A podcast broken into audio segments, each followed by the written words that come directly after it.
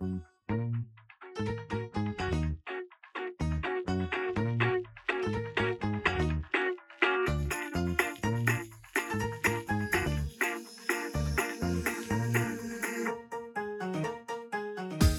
doncs benvinguts a aquest episodi del podcast de Recomana. Jo sóc la Paula Castillo i estic amb la Marta Duran, que estem parlant amb la companyia Tragèdia AP7, que són els guanyadors de la beca Desperta Lab d'aquest any, de la 9 I llavors, doncs, hola, benvinguts, com esteu? Hola a tothom. Esperàvem una miqueta que uh, féssiu una mica prova de noms, que sou uns, unes quantes, i si ens podria dir això, qui sou, eh, què feu una mica, eh, i així comencem una mica coneixent-nos tots. Hola, jo sóc en Quim i, i no sé què faig. O sigui, què faig concretament a la companyia o a la vida? A la vida potser és una mica complicat d'explicar, no? Clar, a la companyia una mica de tot. Molt bé. Ara, bueno, en, aquesta, en aquesta peça sóc el, sóc el performer Uh -huh. i és el que mm, mantinc relacions amb la rentadora. Sí, sé què és això. vale. Jo em dic Mar i és difícil dir el que hem fet en concret en aquesta peça cada un de nosaltres, perquè potser a part de la Rita i la Cat, que sí que han tingut un rol més definit, hem fet un procés de creació bastant horitzontal, on tots estem fent una mica de directors, dramaturgs i inclús d'intèrprets, tots acabem sortint en escena. Pues el que deia el. Quim, una mica de tot. Hola, jo sóc l'Edu, faré també de tècnic de llums. Uh, hola, uh, sóc la Rita. Això, com ja han anat dient, hem treballat uh, no una creació col·lectiva, llavors és molt en horitzontal, diguéssim, tota la proposta i que certament eh, jo com un perfil més tècnic porto les tècniques de l'espectacle. Tenim molta sort de tenir la Rita perquè és una tècnica performer, cosa que es dona molt poc i aleshores doncs, ens agrada molt poder jugar aquest doble rol seu, que faci de tècnica però que també surti a l'escenari i interpreti. Guai. Jo sóc la. Cat i he portat més la part de, de producció. Molt bé. També tenim la rentadora, tenim la rentadora que ara està descansant, està fent la migdiada. Sí.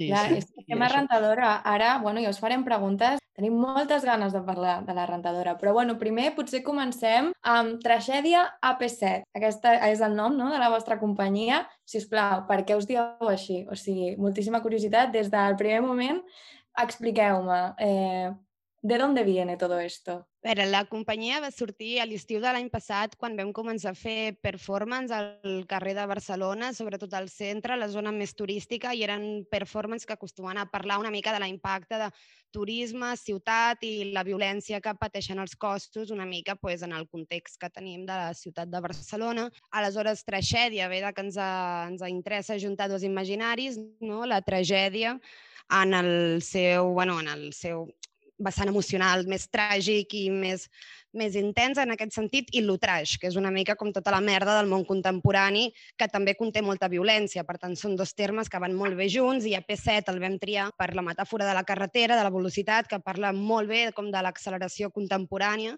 i també perquè la majoria de nosaltres som de Barcelona i el Quim és de l'Empordà, de Fortià. I a P7 doncs, és la carretera que uneix Barcelona amb Girona, per tant nosaltres amb el Quim. Oh. Que maco. Perfecte. Doncs, bueno, merci, perquè teníem una mica aquest, aquest dubte. Ara, en, o sigui, ja, ja heu tret una mica el tema i crec que molaria com tornar-hi a ficar, perquè crec que la vostra aposta per fer un teatre creació col·lectiva, o sigui, o sigui és una aposta política, estètica, eh, ètica gairebé. Creieu que és una... O sigui, assumeixo que sí, però creieu que és alguna cosa que dona més positius que negatius? Què, què aporta? O sigui, que podeu dir les coses bones i també les dolentes, suposo, vull dir, com creieu? Hi ha un problema de termes amb, el, amb creació col·lectiva perquè, en el fons, en el teatre sempre eh, hi ha Mhm. moltes persones més, més enllà d'una, per molt que una hagi començat abans el projecte o, o porti més la, la direcció tot plegat, però el teatre sempre és una creació col·lectiva. Um, el que passa és que hi ha més o menys marge d'agència de prendre decisions en algunes modalitats o en algunes metodologies teatrals on potser una persona s'encarrega de, de prendre moltes més decisions, dir, de prendre moltes decisions i, i en altres metodologies teatrals, doncs, amb aquesta repartició de rols que ja és inherent, és a dir, sempre hi haurà un tècnic, sempre hi haurà algú que pensi en l'espai, sempre hi ha algú, que, que pensi en la dramatúrgia. En el fons, creació col·lectiva és simplement, sí, començar tots alhora, des de tots els, el- les vessants i els llenguatges que intervenen en l'escena. Aleshores, amb la creació col·lectiva no contempla tant, és a dir, contempla d'una banda el fet que les decisions es prenen col·lectivament en grup com cosa que si estem parlant com de pros i contres. M'entenc la pregunta, però no és, un, no és una qüestió de pros i contres pel, pel que tu mateix demanaves, de, de, o sigui, comentaves de que és una decisió política en el sentit de que no volem com que hi hagi algú que s'encarregui de, de dirigir i prendre absolutament totes i cadascuna de les decisions, sinó que les volem col·lectivitzar perquè ens sembla com molt més coherents amb el que som. Sí, només anava a dir que, clar, que, és, uh, que al final les idees poden ser d'una, però el que fem és col·lectivitzar la feina i el lloc que té la visió de totes. No, no és que estiguem totes simultàniament tenint la mateixa idea i alimentant-la, sinó que, que les veus exacte comencen en el mateix lloc i llavors fan un viatge igual. No és que de cop totes les idees hagin de ser reflexades en tot moment, no? com amb totes, totes les, com molt bé explicaves, dir, com tots els processos. Cosa positiva i molt, molt positiva és que com que eh, més o menys, tot i que tots fem una mica de tot i cadascú domina més que menys algun, el seu llenguatge, el fet que tot vagi alhora implica que el, en el resultat es veurà que tots les, els llenguatges que intervenen en l'escena, que són l'espai, són el cos, són el text, són les llums, són el so, tots també avancen alhora, per tant, tots tenen una representació unida, coherent i, i, i no jeràrquica. Eh, jo us volia preguntar eh, per, per la beca Despertalab. Eh, felicitats, primer de tot, per haver guanyat la beca Despertalab, però us volia preguntar com l'esteu vivint, què significa, primer de tot, el guanyar la beca Despertalab, o sigui, perquè no és una cosa que sigui d'una proposta d'un any, sinó que és com una cosa de llarg plaç, que teniu com un espai no? durant tres anys com per desenvolupar-vos vosaltres com a companyia, per crear, per provar, que no és un... Eh, deixem un espai, fas una peça, l'exhibeixes i ja està.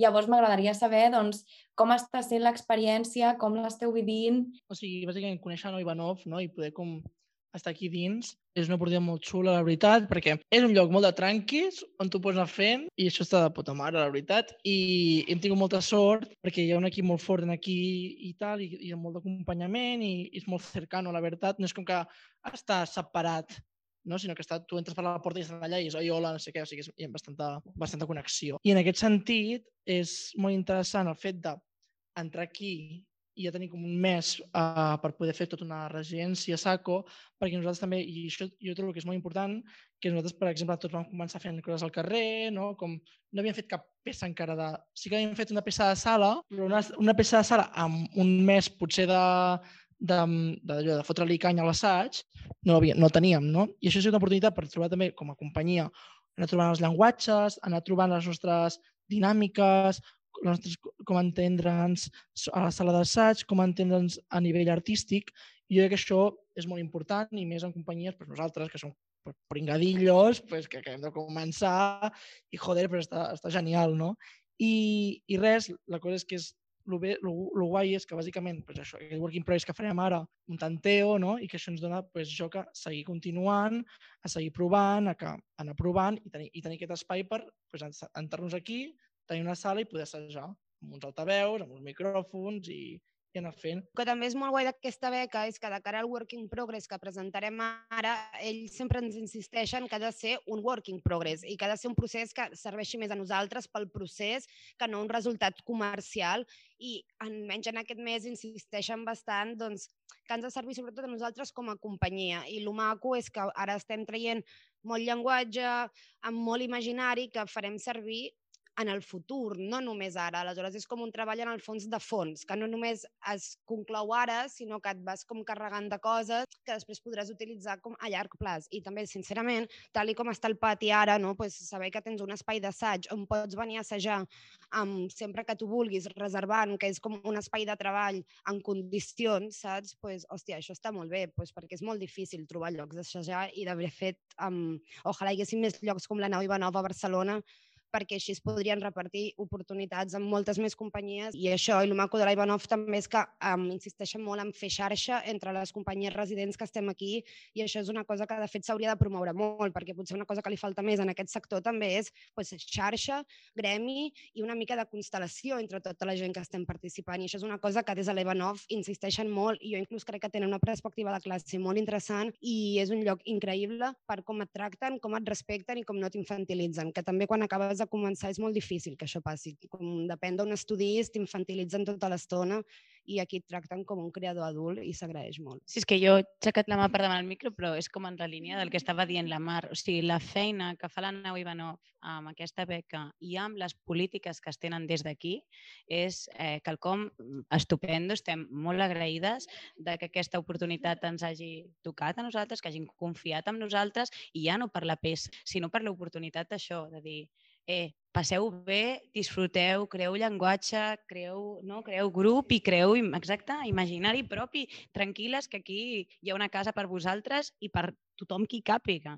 I, i és una feina que s'ha de valorar, s'ha d'agrair i que és molt necessària. I estem molt contentes amb la nau. Són un equip estupendo i això, com molt bé deia, una, unes polítiques i uns valors de Déu. No, és que em sembla superinteressant això que dieu, no? que, que és no presentar una peça, no us deixem un espai per assageu una obra amb un text ja escrit, sinó us deixem un espai perquè, perquè proveu coses, perquè trobeu la vostra manera de treballar i això em sembla, vamos, és que s'hauria de fer a tot arreu i ojalà més llocs com la nau, sí, sí, estic d'acord. Um... Sí, també perquè en moltes residències s'acostuma a fer el revés, et diuen fes alguna per poder-ho mostrar, fes alguna de mostra canvi, um, ràpid, ràpid, ràpid, mostra'ns alguna I aquí és exactament al revés. D'una banda i d'altra també com un factor important i, i també que ells ho consideren polític, que és que no es fiquen en res artístic, no t'assenyalen, no, no jutgen, simplement ells estan allà com una xarxa logístico-emocional, d'alguna forma pedagògica, però no des d'un lloc, tu dius, no, no des d'un lloc paternalista, sinó des de um, doncs, gent amb més experiència, amb gent amb menys experiència, quina mena de diàleg poden establir, però no, no, no intervenen en, en res que podem considerar com artístic. Eh, jo volia, bueno, volia dir una cosa que, que tenia molta curiositat perquè des de Nova Veu vam tenir l'oportunitat de, de ser jurats de, de, de la beca Desperta Lab. Jo personalment no ho vaig ser, però la Marta sí que va estar en aquest jurat. I quan ens vam proposar de fer aquest eh, episodi em va semblar com molt interessant preguntar-li a ella per què van, es, van escollir el vostre projecte. O sigui, què té el vostre projecte? No sé, em semblava com molt interessant saber com la seva opinió i veure què us sembla la seva opinió. Així que, Marta, no sé si ens vols comentar què tenen ells que, que s'ha de veure, que, que es mereixia aquesta beca. M'encanten les cares que esteu posant. a veure, a veure què dius, saps? Perquè també, vull dir, um, és una miqueta del moment backstage perquè en els premis normalment se't diu, s'envia un missatge o se't truca un correu i se't diu se t'ha donat, felicitats o lamentem informar-los que... Aleshores és una mica aquest moment de dir feedback. A mi com a mínim, a nivell personal, em va ser bastant fàcil dir, dir crec que aquesta gent és la que hauria de guanyar el premi perquè, bueno, aquesta beca, perquè és un projecte que s'alinea molt Um, bueno, la peça és molt experimental, és molt interessant. Um, òbviament ara parlarem amb calma, però crec que trenca bastant amb, amb el que, que ens pensem que és teatre i que no, i que això sempre està bé experimentar i explorar. També eh, el tema de que veure què passarà d'aquí tres anys, això és, això és una mica les, les ganes, no? de, veure, de veure si ara els donem... Perquè si no, molts projectes no, no poden arribar a respirar o començar i, i aquesta beca precisament és per això i és, és un projecte que, que donava moltes ganes de veure a veure què passa. I ara anem parlant, però per mi va ser molt aquesta la lògica, la veritat. Molt bé, molt bé. Doncs moltes gràcies, és que tenia curiositat. Moltes gràcies. Nosaltres també tenim ganes de veure què passa. Sí. Eh, I ja entrant una miqueta més um, en el working progress que esteu fent i que, que podrem veure del 2 al 12 de juny, si no m'equivoco. Clar, el 2 és l'estrena, Uh -huh. Per tant, a partir del 3 es poden comprar entrades. Oients del podcast de Recomana, si us plau, aneu a veure aquesta gent, que segur que serà superguai el que fan, del 3 al 12 de juny. Però expliqueu-nos una miqueta què, què és el que veurem. Què és aquest Work in Progress. Rentadores gira mundial, no? Si no m'equivoco. I és una peça on hem posat la rentadora al centre i tot el que passa en escena o va cap a ella o està condicionat per ella i aleshores, a veure, formalment serà una peça que junta sobretot els llenguatges del teatre visual i de la performance per fer una mica un matxembrat i bàsicament és com... Bueno. Bueno, pues la cosa és que bàsicament una rentadora té la, té la mateixa manera d'executar, de, de, de funcionar que una obra de teatre i tal, perquè bàsicament pues, la va pujant, va pujant, va pujant i el clímax i després baixa, baixa, baixa, baixa. Pues com el teatre i com tu. I bàsicament Uh, a partir d'aquesta reflexió, que també es pot veure com pues, en, en els orgasmes, es pot veure a les festes, es pot veure a mil llocs, aquest increixent i per aquesta baixada, pues, això també ho veiem amb, la rentadora i va ser com molt bona idea per poder fer pues, un programa de rentar, perquè nosaltres diem la corba de programa de rentat, no? És així? Vale, pues la cosa és que bàsicament a sobre l'escenari i que tu puguis veure tota la, tota la rentadora com funciona en, en directe. Perquè és una cosa que sempre la rentadora està com està allà margi, no? allà sola, tranquil·la, a la, seva, a la cuina, i ningú la veu, ningú la veu com funciona, sinó que ella fa la seva funció, està fent un pip-pip i ja dins la robaneta, no? Però mai veus el que fa tota aquella, tota, durant tota aquella estona, no? Doncs nosaltres ensenyarem què fa durant aquesta estona, aquesta estona la rentadora. Sí, és una mica idea agafar de totes les coses, començant per la rentadora i per les màquines que el nostre sistema aparta cap als marges, no? perquè, per exemple, tenim la rentadora a la cuina i la tele al menjador, què és aquesta jerarquia, no? Una mica com tots aquests objectes que es podrien considerar quasi pseudofeminitzats, no? en aquest sentit, perquè més la rentadora sempre té una, una relació molt forta amb les cures i amb lo domèstic, i una mica aquest exercici de què passa si un objecte domèstic de cop el poses sobre l'escenari, li treus la seva funció bàsica i el converteixes en algo no funcional o quasi disfuncional, no? i li sumes capes artístiques. En quina porta obrim cap a una, jo que sé, una quasi utopia on la, on la domesticitat i tot el que no es veu de cop està al centre del món i és el que té veu i és el que té discurs. No? I aleshores una mica volem això, que el públic s'enfronti amb un objecte domèstic però vist des d'una altra manera i reflexionar una mica entre els límits de què és un cos, què és una màquina, on es troben i com pot conviure un cos i una màquina d'una manera que no sigui destructiva, sinó que sigui constructiva que permet inclús, no sé, gaudir i disfrutar més que no generar violència. Sí, sí, nosaltres en un principi vam, quan ens vam adonar això de la corba i que després va derivar en, en tot aquest marc teòric que vam estar investigant, al principi pensàvem, bueno, tu pilles la rentadora, la fots en un escenari, fiques un programa rentat, dura aproximadament, aproximadament una hora i vint, ja tens una obra de teatre, ja està, no cal fer res més. I tot i que això conceptualment seria interessant, alhora també seria profundament avorrit, aleshores d'aquesta por a no avorrir i d'aquestes ganes d'expressar més enllà de ficar un objecte durant una hora i vint en funcionament, han anat sorgint coses i coses i coses a partir, sobretot, de, de donar-se que la rentadora és una bèstia escènica, a nivell interpretatiu és magnífica, és, em, és hipnòtica, em, com es mou, no? com, com parla, com, com balla, és realment és una intèrpret, és una diva. Sí, de fet, la nostra rentadora passa per moltes identitats no? al llarg de l'obra. És des d'un monstre fins a una diva pop, un ésser que es col·lapsa. Vull dir, hem intentat com tractar-la des de totes aquestes figures com i anar-la com, no sé, això, com tonificant una miqueta.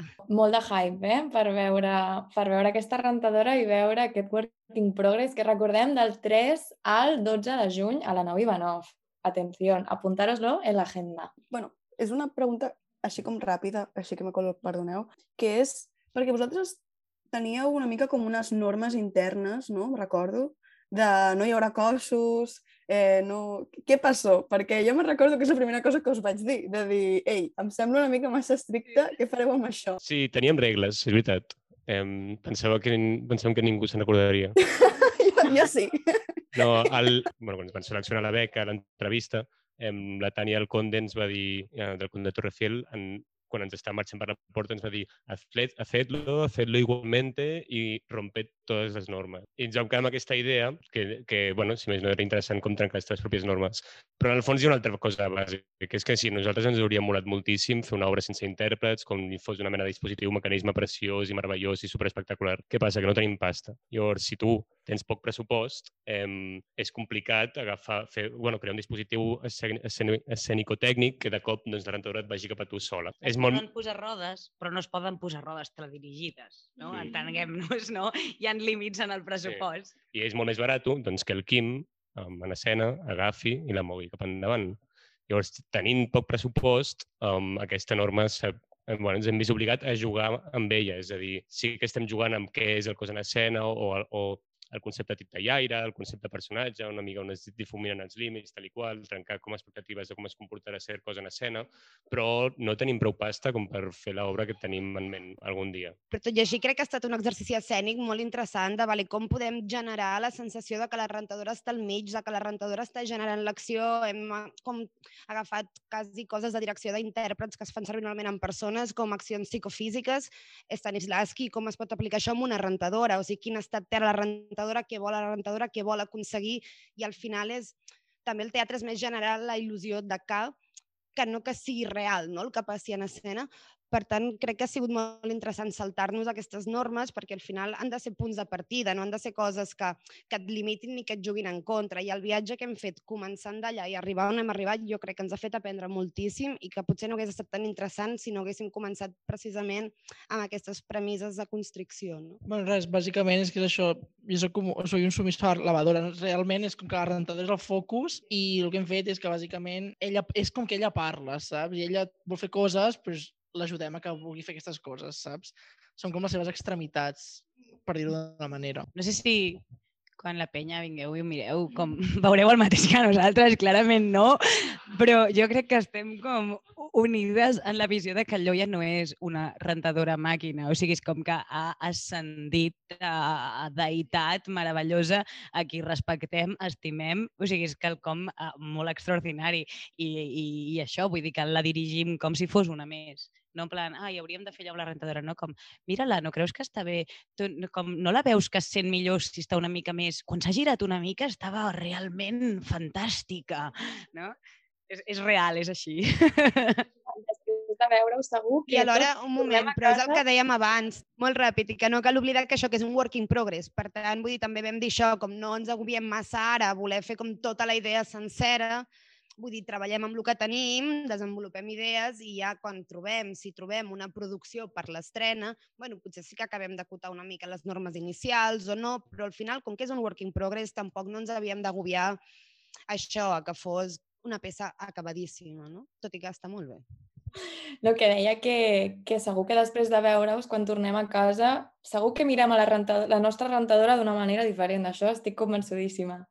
I res, com per acabar una miqueta, us volia preguntar quin consell li donaríeu a una companyia que està pensant de presentar-se a la beca Despertar bàsicament és com que si vols, com a companyia us voleu presentar, és bàsicament que no enfoqueu totes les energies i les forces en voler mostrar, ensenyar una peça que voleu fer en aquest, en aquest espai, sinó mostrar el vostre projecte de companyia al llarg d'anys. Perquè, clar, la cosa és que són quatre anys de res i tres, i pues, el guai és veure com la, pues, fer un projecte de companyia, no mostrar només pues, volem fer aquesta obra i volem estar aquí per fer aquesta obra i acabar-la. No, no, no, sinó mirar des d'una fo focalitzar el foc, posar el focus al, en el tema de, del projecte de companyia. Bueno, i jo crec que és important que perquè les altres companyies puguin tenir aquesta meravellosa oportunitat uh, durant molts més anys, clar, la nau necessita també eh, les seves oportunitats i tenir les subvencions i necessita diners per ella poder donar aquesta oportunitat a, a noves companyies. I bueno, des d'aquí ho, ho agraïm molt i, i esperem que els dueños de los dineros eh,